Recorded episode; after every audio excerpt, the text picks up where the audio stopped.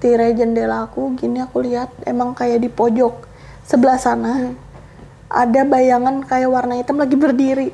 Jadi aku nggak berani keluar. Itu posisi si bayangan hitam atau sosok hitam itu di depan kamar atau di dalam kamar? di depan pintu kamar. Di depan pintu kamar? Iya. yang di pojok. iya. Itu tuh udah pas mau keluar itu kan harus ngelewatin itu dulu. Oh, berarti kamu kalau keluar harus mau nggak mau ketemu dia. ya Tapi kamu nggak berani. Duh, aku berinding sumpah kayak masih ada deh Itu sosok hitamnya tuh kayak gimana? Bisa di detailkan lagi nggak dia sih? tuh tinggi Hmm, set- setinggi apa?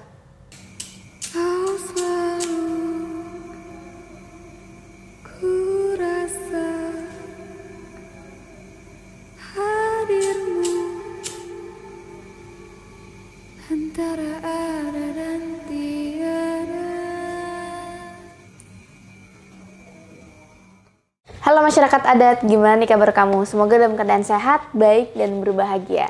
Nah teman-teman, hari ini di adat antara ada dan tiada, aku ngajak narasumber buat bercerita langsung pengalaman horor nyata mereka.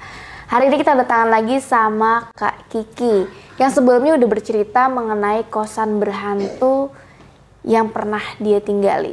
Nah, kalau di cerita sebelumnya, dia itu kan pindah setelah tiga bulan karena nggak betah. Ternyata setelah pindah lagi-lagi kosannya juga berhantu. Oke, kita langsung aja ke Kak Kiki. Kak Kiki, ya jadi dulu tuh waktu setelah dari kosan itu aku kan tiga bulan. Nah aku tuh main nih iseng-iseng ke temen. Kontrakannya ini sama kan di pojok. Jadi kamu abis pindah dari kosan pertama itu langsung langsung pindah ke kosan lagi? nggak langsung pindah main-main dulu gitu survei-survei tempat oh, lah gitu oke oke. Sempat balik ke rumah dulu nggak? sempet Oh, bolak-balik gitu Oh, berarti ya keluar dari kosan pertama, bolak-balik di rumah dulu. iya baru nyari-nyari kosan dan ketemulah kosan yang kedua ini. iya deket Ini- juga lokasinya nggak oh, jauh Oh, nggak jauh dari kosan pertama. Ini masih di tahun 2019. Kayaknya awal 2020 deh Oke, berarti kejadiannya di tahun 2020. Masih di Karawang berarti ya? Masih. Masih di Karawang.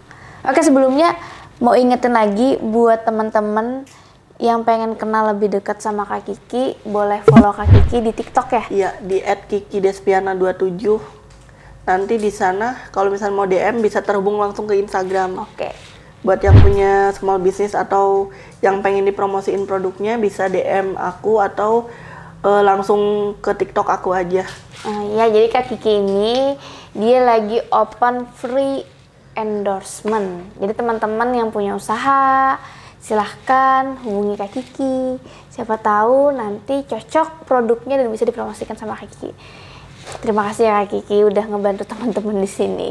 Oke, langsung aja kita dengarkan cerita kosan berhantu yang kedua dialami oleh Kak Kiki. Gimana Kak ceritanya?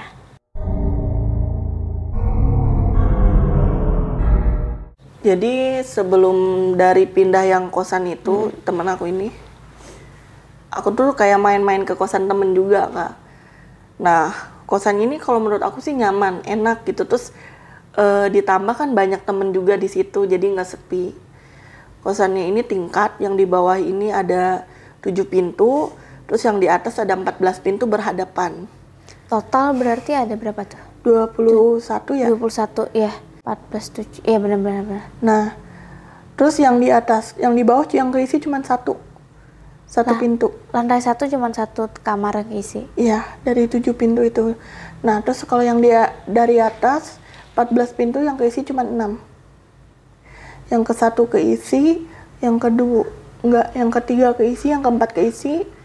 Terus yang nomor 6 aku. berarti ada belasan kamar yang nggak keisi kosong. yang kosong buset terus terus Nah, sebelum aku ngekos di situ awal-awalnya aku main dulu kan. Banyak temen nih aku ke situ lah. Terus aku waktu naik tangga tiba-tiba kayak lihat putih hitam eh, putih merah kayak sekelebat gitu. Ah, menurut aku kayak wah itu mah bayangan doang kali. Tapi berulang nggak lagi dan lagi. putih merah ini maksudnya gimana apakah Kayak- berbentuk Iya kayak kayak kayak kain gitu kayak mungkin kunti putih sama kunti merah gitu. Oh, jadi ada dua nih. Iya. Satu merah, satu, Satu putih. putih. Dia lewat gitu. Iya lewat. Tapi kan kayak kain kayak kainnya itu kayak gimana sih kak? Kalau kena angin kan Itu posisi siang apa malam? malam Jam berapaan? jam setengah sembilanan lah. Oke. Nah terus kayak aku masih ini tuh bener nggak sih? Terus kata temen aku tuh tiba-tiba yang cowok bener kok katanya lu nggak salah lihat tapi tenang aja katanya itu gak ganggu udah biasa mungkin pengen kenalan oh gitu katanya tuh iya tenang aja nggak ganggu katanya nah terus makin ke sini makin ke sini eh, nggak terjadi apa-apa nah karena aku mikirin gimana kosan itu terus udahlah aku kayak pindah aja lah dari kosan itu aku ke sini katanya tuh. Abis pindah aku nempatin kamar nomor 5 eh aku masih ngerasa diikutin sama sosok yang cewek ini. Yang dari kosan sebelumnya? ya Oh, dia ngikut pindah juga. ngikut kayak eh kayak gimana sih nyuruh ke sana lagi gitu kan nah sebelum pindah dari kosan itu emang seperti biasa di tempat baru kan adaptasi. Gak bisa tidur sebelum sebelum ada ajan subuh baru bisa tidur. Nah jadi eh, sebelum lebaran dulu sebelum bulan puasa berarti ya teman-teman kan pada mudik pada pulang Iya. kampung di situ kan banyak perawan-tawan juga. Otomatis aku sendiri dong yang ngasih orang situ nah temen aku ini sebelah temen aku ini sebelah kamar ini dia kan kerja kak. Jadi cuma ada dua orang yang di situ. Mungkin karena temen aku kerja jadi yang tinggal di sini cuma aku. Jadi aku nunggu dia pulang kerja dia udah WA kan. Nanti jemput gue ya jam 8 oke lah kataku tuh gitu. Itu suasana kosong kak. Kosan dari 14 pintu sama yang di bawah itu jadi 21 dan yang keisi itu cuman aku doang karena posisi yang lain tuh mudik. Emang konyol aku tuh maksudnya tuh di situ tuh kosong ngapain lu sendiri gitu di situ? Iya. emang kayak gimana gitu anaknya tuh nantangin emang. Itu tuh posisi mau maghrib. Tiba-tiba aku dengar kayak suara di nomor tiga nih ya di nomor tiga sebelah kanan. Aku kan di sebelah kiri ya barisannya. Kayak suara pintu dibuka jendela di gimana sih kalau jendela didorong kan ada nget kayak Oh, iya. gitu. Gesekan Oke. kayu. Dan habis gitu aku kayak nongol gitu kak. Buka buka apa sih namanya tirai jendela aku. Gini aku lihat emang kayak di pojok sebelah sana ada bayangan kayak warna hitam lagi berdiri. Jadi aku nggak berani keluar. Itu posisi si bayangan hitam atau sosok hitam itu di depan kamar atau di dalam kamar? Di depan pintu kamar Di depan pintu kamar Iya. yang di pojok. iya itu tuh udah pas mau keluar itu kan harus ngelewatin itu dulu Oh, berarti kamu kalau keluar harus mau nggak mau ketemu dia. ya Tapi kamu nggak berani. Duh, aku berinding sumpah kayak masih ada deh Itu sosok hitamnya itu kayak gimana? Bisa didetailkan lagi nggak dia sih? tuh tinggi Hmm, set- setinggi apa? pintu mungkin ada setara sama tinggi pintu tuh Dua meteran nanti ya? Iya. Dia tuh cuman diem aja tapi kan kalau misalkan dia kayak gimana gimana kan takut juga ngeri. Pas aku di situ sendirian nung- nunggu mau jemput temen aku itu kan aktivitas tuh rame banget kak. Rame. Jadi kayak ada orang jalan tangga, terus ada, aduh, Ay sih aku bisa ngebayangin. iya. Padahal jelas-jelas kosannya lagi kosong, cuman Kosong. kamu kan. Ya. Terus kayak ada suara aktivitas sendal jalan-jalan gitu. Emang kayak aktivitasnya tuh rame banget padahal sepi nggak ada siapa-siapa itu posisi Karawang sepi kalau pemudik pada pulang. Hmm, berarti di Karawang itu banyak ini ya, banyak Banyak perantau. banyak perantau. Nah, terus karena aku udah takut dan ngerasa takut terjadi hal-hal yang nggak diinginkan sama aku, aku temen aku telepon siapa pun temen aku yang bisa aku telepon gitu ya, yang, yang bisa nemenin aku lah. Terus aku telepon temen aku, aku mau keluar, pokoknya aku harus keluar. Itu maghrib maghrib kak, itu posisi sepi.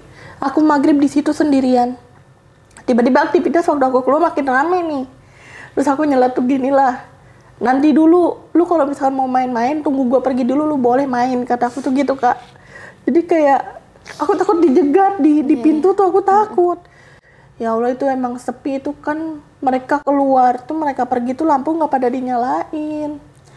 Oh jadi bentar, ini kan banyak uh, kamar, kosan, itu biasanya ada lampu kan di lorong-lorong, tapi dimatiin sama mereka. dimatiin. Dan tombolnya itu apa di dalam Di kamar? dalam. Oh nggak bisa nyalain ya kamunya. bisa.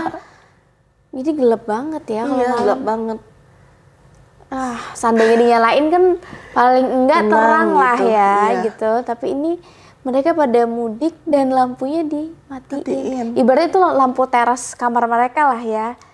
Oke. dan waktu aku mau turun ke tangga juga aku kayak dari dari belakang aku tuh aku dikejar-kejar gitu kak kerasa Ada suara kaki. ya ada jadi kayak duh aduh aku nggak kuat ceritainnya juga Santai dulu, santai dulu. Santai. aku jalan. Aku jalan emang ag- agak buru-buru sih kak. Aku jalan agak buru-buru. Nah di pas pintu ketiga aku loncat. Aku larinya tuh agak loncat gitu kak. Agak loncat biar cepet-cepet nyampe ke gerbang lah gitu ya. Nah waktu pas turun tangga hembusan angin tuh kenceng banget kak. Dari lorong itu padahal biasanya nggak pernah ada angin. Kalau ada angin kan dari samping Ya kok bisa ya dari Iya, kayak dia juga mau ngejar aku jadi nggak nyampe gitu kak. Kalau mungkin itu kalau misalnya aku kekejar, mungkin aku bakal keserupan di situ. Ketempelan lah istilahnya gitu sebelum temen aku datang. Nah waktu di bawah, waktu aku udah nyampe tangga di bawah, nyampe nyampe parkiran, aku nggak ngeh tiba-tiba ada kayak kayak AA AA kayaknya tuh kalau mau kayaknya tuh mau ngejemput temennya gitu ya. Aku sempet kaget juga dia ngomong aku jadi kayak ini datangnya dari mana nih ini orang asli apa bukan? Padahal memang bener orang gitu. Nah, terus temen aku datang, aku aku nungguin temen aku kan. Jam 8 tuh temen aku datang. Terus aku bilang gini, ini seriusan kataku tuh kita berdua doang di kosan. Nggak ada cowok, kalau ada cowok tenang kan. Ya kita mau ngunci gerbang kosan juga takut kita berdua doang di situ. Terus kita mau mau apa sih namanya? Mau ngebuka juga takut, takut kayak ada orang masuk atau gimana. jadi serba salah nggak Iya, sih? serba salah kita. Emang kebiasaan aku ini, aku nggak bisa kak kayak kayak tidur, jendela ditutup, eh pintu ditutup. Jadi mau nggak mau untuk kali ini aku harus nutup semua. Berarti biasanya kamu kalau tidur gimana? Dibuka. Dibukain jendelanya. Justru bahaya nggak sih kalau dibuka? bahaya banget Bahayanya tuh bukan bukan cuman hantu. Kalau Iya. misalnya kamu ngebuka pintu atau jendela, takutnya ada orang, orang. jahat yang masuk ke kamar kamu. Itu Iya, kan yang lebih dikhawatirin gitu. Iya. Tapi kamu nggak bisa tidur ya kalau ditutup semua. nggak bisa kayak takut ada yang eh gimana gitu. Padahal lebih bahaya lagi kalau misalkan jendela itu dibuka. Unik sekali ya, dia kayak membuat kesempatan bahaya Iya. sendiri gitu loh dengan membuka kamar saat tidur. Cuman kalau misalkan kayak aku kan agak pojok tuh ya kamarnya. Jadi kalau misalnya ada yang jalan tuh aku Kedengeran. kayak langsung lihat siapa gitu. Padahal nggak ada. Nah, Oh, iya.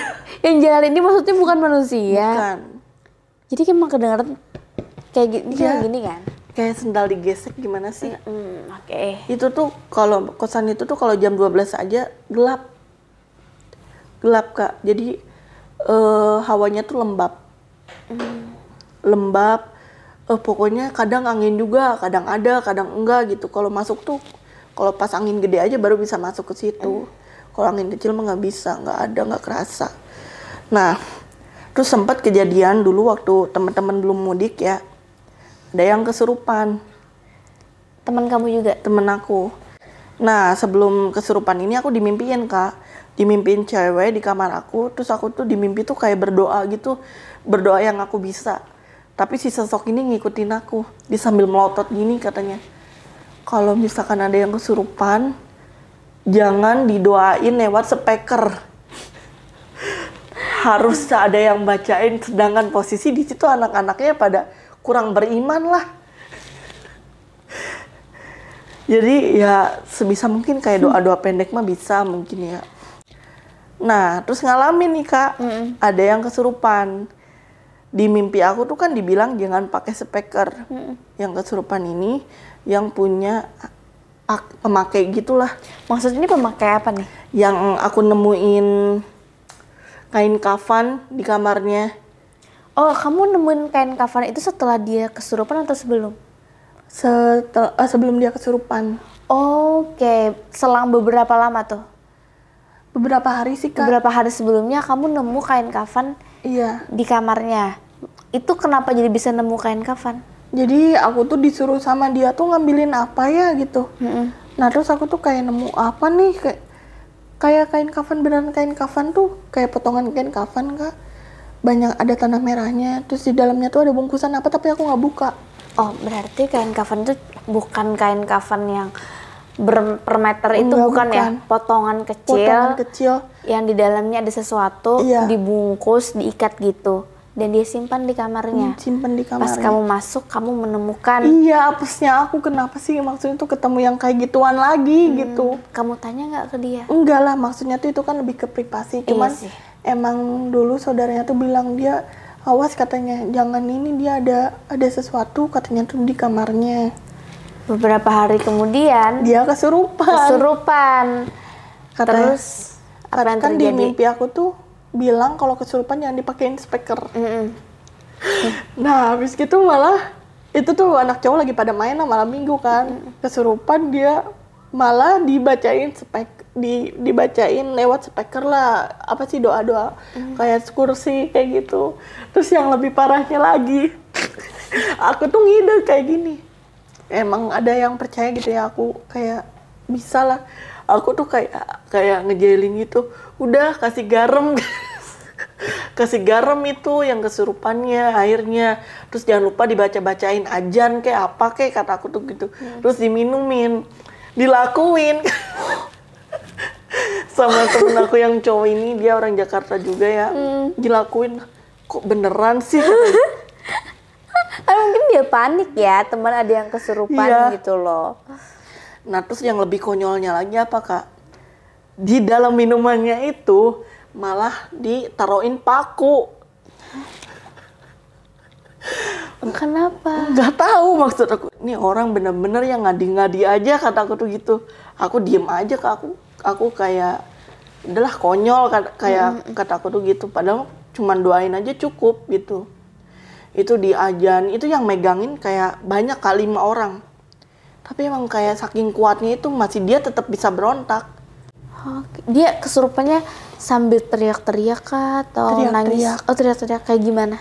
kayak teriak-teriaknya tuh bahasa Jawa aku nggak ngerti. Oh. Tapi ini sosoknya ini dari luar, soalnya dia habis dari luar kak. Dia posisi lagi badannya lagi kurang fit, terus dia maksain eh, keluar keluar, terus pas balik-balik dia kayak gitu.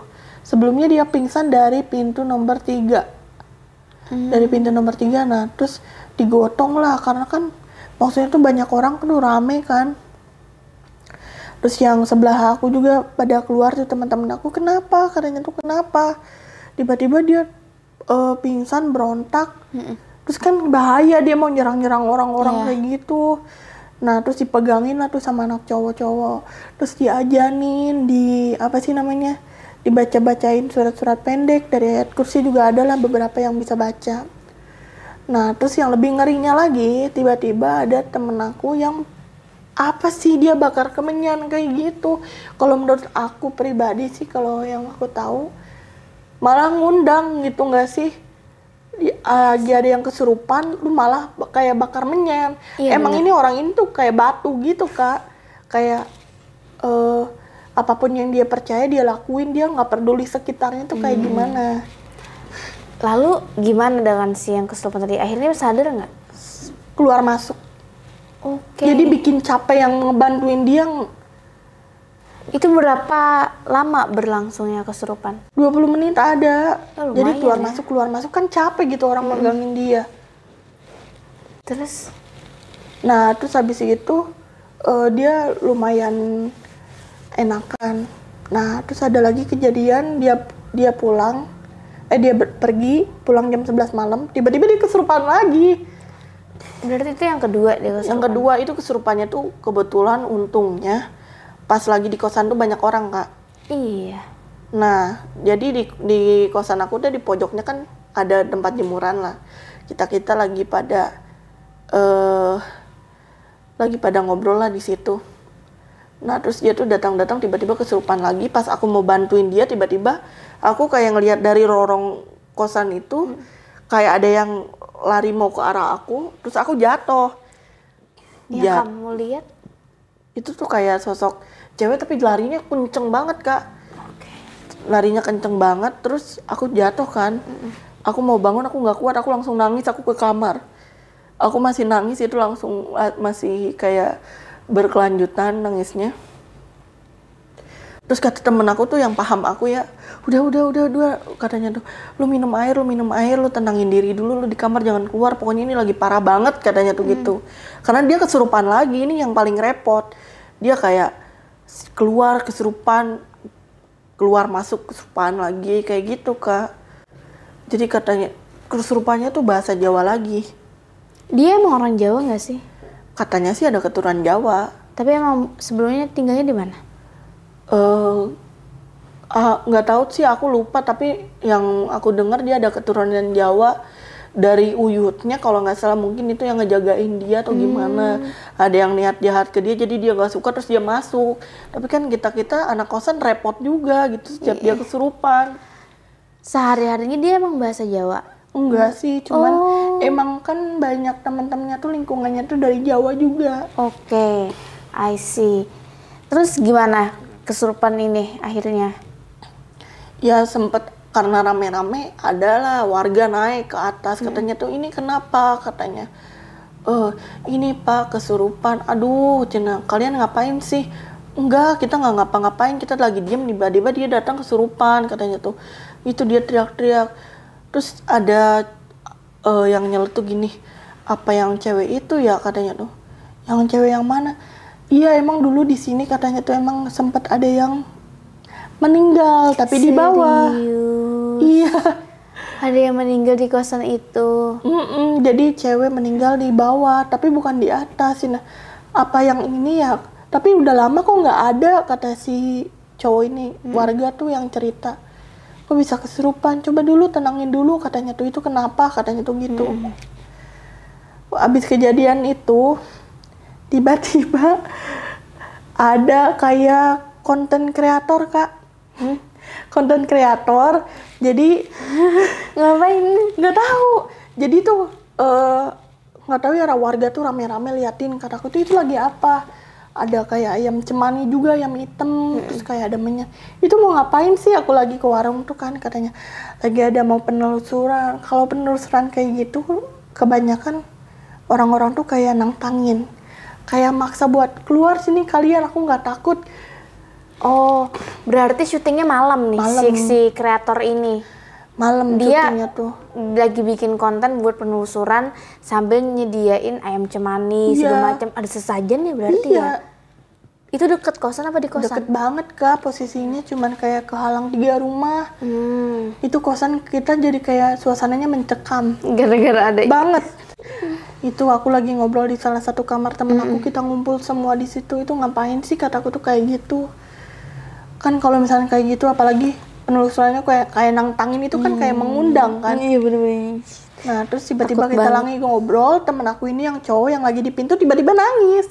Wah nggak beres nih kata aku tuh. Yang nangis cowok. cowok nangis. Ini gue kenapa ya? Katanya tuh kok gue nangis terus gue kenapa ya? Terus dia bilang gitu kak. Tenang tenang tenang tenang. Aku lagi pojok aku deket deket jendela kan aku jadi kayak ngerasa juga ngepek. Terus cowok aku tuh kamu nggak apa-apa kan? Oke kan oke kata aku tuh gitu. Tapi aku nggak kuat karena emang ada yang mau masuk kak ke badan aku tuh. Aku lari ke kamar mandi aku kayak mau muntah gitu aku mual tapi nggak ada yang keluar. Tiba-tiba aku sadar tapi aku baru kayak tapi di badan aku tuh kayak ada sosok nenek-nenek. Aku jalan ke kamar mandi megang pintu aku bungkuk gini. Wah nggak beres ini waktu kesurupan itu sebenarnya temen-temen tuh udah agak nyerah kak. Karena takutnya keluar masuk lagi keluar masuk lagi. Jadi akhirnya kalau misalkan dia eh, datang gitu malah jadi pada masuk ke dalam. Oh dia gimana gimana? Jadi kita ka- kayak udahlah kita nggak usah keluar kayak gitu setiap dia datang. Karena takutnya mulai lagi mulai lagi gitu. Kita kan nggak tahu ya dia di luar tuh ngelakuin hal apa gitu ya jadi imbasnya tuh kayak anak-anak kosan tuh jadi capek sendiri Hmm.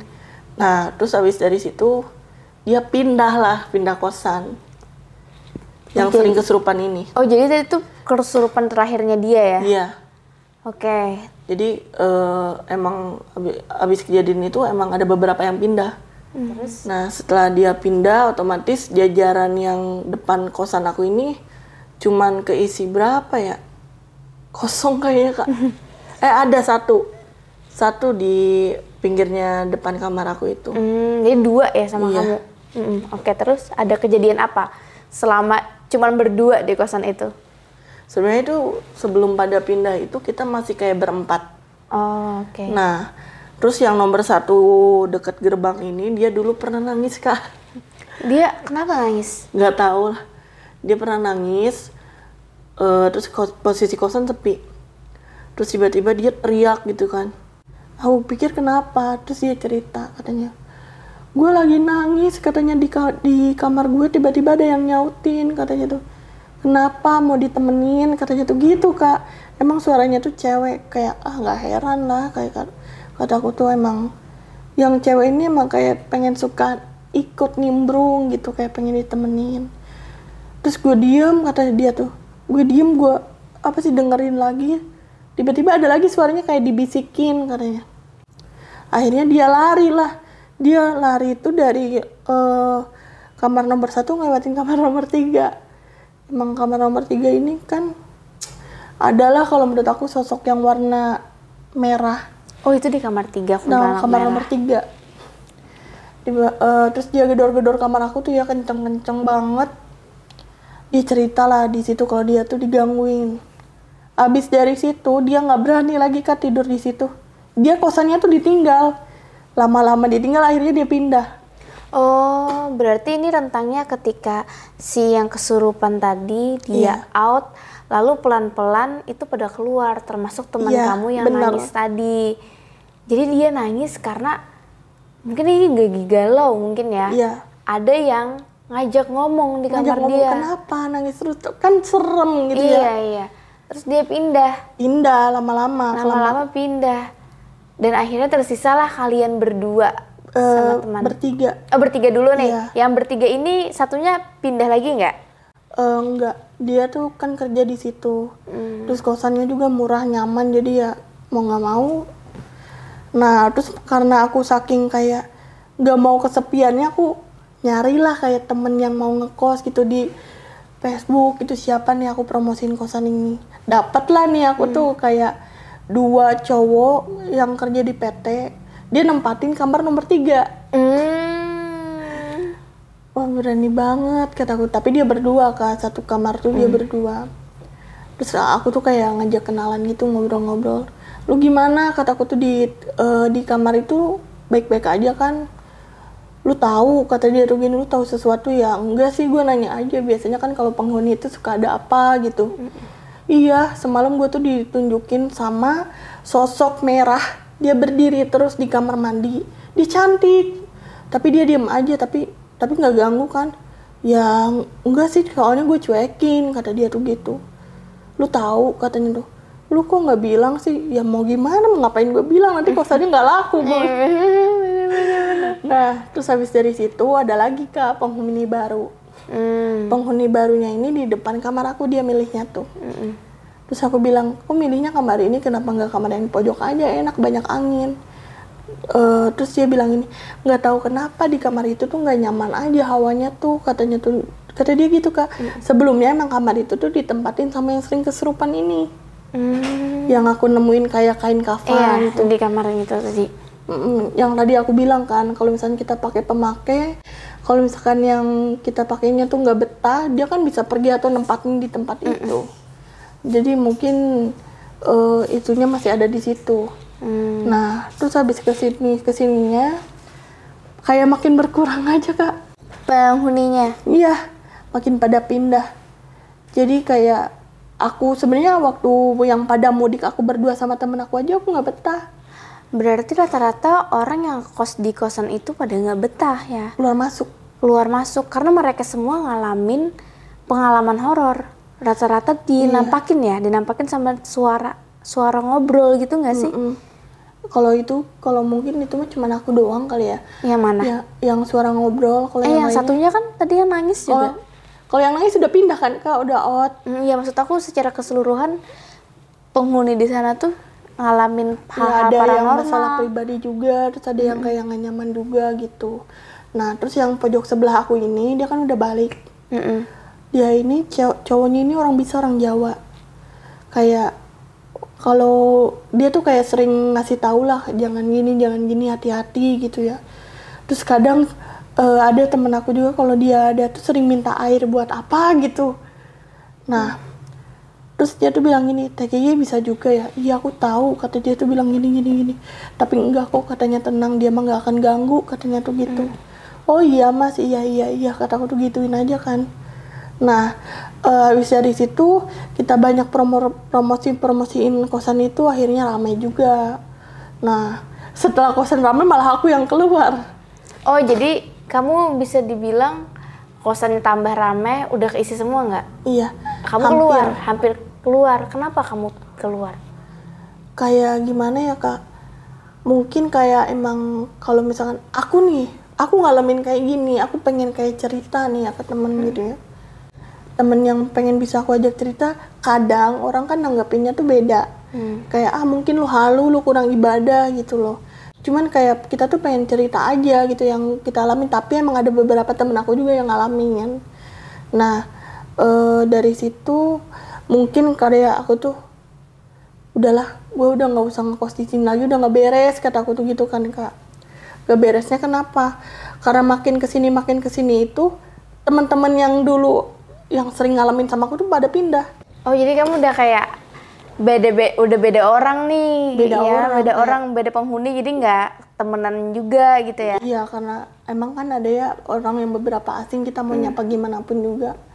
Nah eh, habis dari situ kosan nambah sepi kak Bukannya udah keisi? katanya sih ada yang keluar masuk keluar masuk lagi Oh, jadi walaupun sempat hampir full, akhirnya pada akhirnya mereka pada keluar juga. iya pada keluar juga Dan kamu juga keluar. aku juga keluar Kamu berapa lama totalnya di sana? Di sana lumayan lama enam bulanan Oh, enam bulanan. enam bulanan tuh sebenarnya kejadiannya tuh banyak cuman yang aku ingat tuh itu aja gitu Hmm, Oke, berarti cerita untuk di kosan kedua ini udah sampai di sini ya cerita Iya. horornya. Dari pertama kamu yang ngelihat kuntilanak putih, kuntilanak merah, terus juga suara aktivitas yang suara jalan gitu ya. ngobrol. Terus juga ngobrol, kesurupan, temen yang kesurupan gitu ya. nah Banyak ada ya sebenarnya. Yang yang kayak ilmu gendam gitu. Itu tuh apa tuh ilmu gendam tuh? nah jadi ilmu gendam tuh kayak gimana ya? Kayak kehipnotis mungkin ya. Jadi aku tuh emang ngeh kayak ada suara orang jalan buka pintu gerbang pas aku lihat nggak ada. Tapi setelah kejadian itu motor hilang. Motor siapa? Motor temen-temen motor temen yang ngekos di situ jadi memang makin gak aman aja kosan Oh, untung bukan motor kamu. Masih ada untungnya lagi. Tetap aja Iya. s- kasihan yang kehilangan kok motor. sebenarnya gini aku sering banget kayak dengar suara yang orang jalan gitu ya orang kayak buka gerbang tapi pas dilihat tuh nggak ada itu tuh rentetannya tuh jam 1 jam 2 Jam oh, tengah malam pas lagi aktif-aktifnya nggak sih Iya, makhluk-makhluk kayak gitu? Pas aku lihat tuh nggak ada terus aku kayak mikir ini kayak ilmu kayak ilmu gimana sih kayak ada suara orang jalan tapi nggak kelihatan Apa itu si pencuri maksud kamu ya Iya. menggunakan ilmu jadi Bisa kamu jadi. nggak lihat kalau dia Bisa jadi. ngambil motor. soalnya itu kejadian hilang motor bukan sekali kak oh itu berapa kali? ada dua terus yang hampir gagal satu Berarti kurang aman ya kosannya ya? Padahal udah dipagar ya. setelah pada pindah kurang aman Hmm. itu udah dipagar juga kak udah dikunci gembok tapi kok eh, gemboknya tetap hilang Di sana ada security-nya nggak sih? nggak ada Oh, pantesan. kurang bersosialisasi sih yang punya kosannya sama warga jadi kayak gimana gitu Jadi warga juga ya udah gitu iya ya. mau kehilangan motor ya bukan tanggung jawab hansip yang di situ juga Hmm. gitu orang Oke. Berarti kalau punya kosan tuh ada baiknya sebagai owner harus Iya. humble ya sama warga. Jadi bisa kerja sama sama Hansip di sana atau enggak ngasih yuran nggak yuran Iya. keamanan gitu biar dijagain juga sekalian. Terus emang ada kayak beberapa warga ah kosan di situ mah udah biasa katanya tuh kayak gitu. Hmm, ada yang bilang gitu. Iya, jadi nggak aneh. Soalnya kan emang ada yang pernah meninggal juga, Kak. Iya sih, iya sih. Itu tuh kayak jadi terjawab sih teka-tekinya gitu loh. Kenapa kosan itu berhantu? Selain juga banyak kamar yang kosong, yang mungkin dihuni banyak jin. Pernah kejadian penghuni kos meninggal di situ. Iya. Itu ada nggak sih cerita dari warga kenapa dia meninggal? Katanya sih meninggalnya tuh nggak ketahuan, ada yang bilang angin duduk lah, ada yang meninggal gimana pokoknya gitu. Tapi kejad eh, ketahuannya tuh beberapa hari baru ketahuan. Oke, berarti bukan karena bunuh diri, dibunuh enggak ya? Bukan. Tapi Lebih meninggal. seram dibunuh, Iya, terus lebih seram lagi. Tapi ini cukup serem juga sih dia meninggal dengan sendirinya tanpa ada orang yang tahu dan berhari-hari. Apalagi perantauan, Kak. Oh my god, berhari-hari terdiam di kos udah meninggal. Antara serem sama kasihan iya, sih. iya sih, anak rantauan. Jadi makanya itu maksudnya tuh kita tuh sesama anak kosan, sesama perantauan tuh harus saling peduli gitu, Iya. Kak. Karena kita nggak punya keluarga. Iya. Aku tahu sih. Aku sebagai sebagai anak rantauan tuh kayak I feel. Iya, harus saling kayak care satu sama lain gitu. Ya, benar-benar benar. Tapi menurut aku di kosan yang sini cukup serem juga sih. Kurang lebih sama kosan yang pertama karena sama-sama sepi, iya kan? Oke, itu tadi cerita horor dari Kak Kiki waktu dia ngekos dan ini pengalaman yang kedua. Yang mana di sebelumnya dia juga ngekos ngalamin cerita horor. Nah, buat kalian yang pengen tahu cerita kosan pertamanya kayak gimana, kamu bisa nonton di video ini. Sampai di sini dulu ya Kak Kiki. Aku sama Kak Kiki pamit undur diri. Bye. Hai guys, thank you udah menonton video ini sampai habis. Jangan lupa untuk di-subscribe, nyalakan loncengnya, like, komen, dan share. Bantu aku untuk membangun channel ini sebagai channel nomor satu penjelasan mengenai mitologi, horor, dan misteri.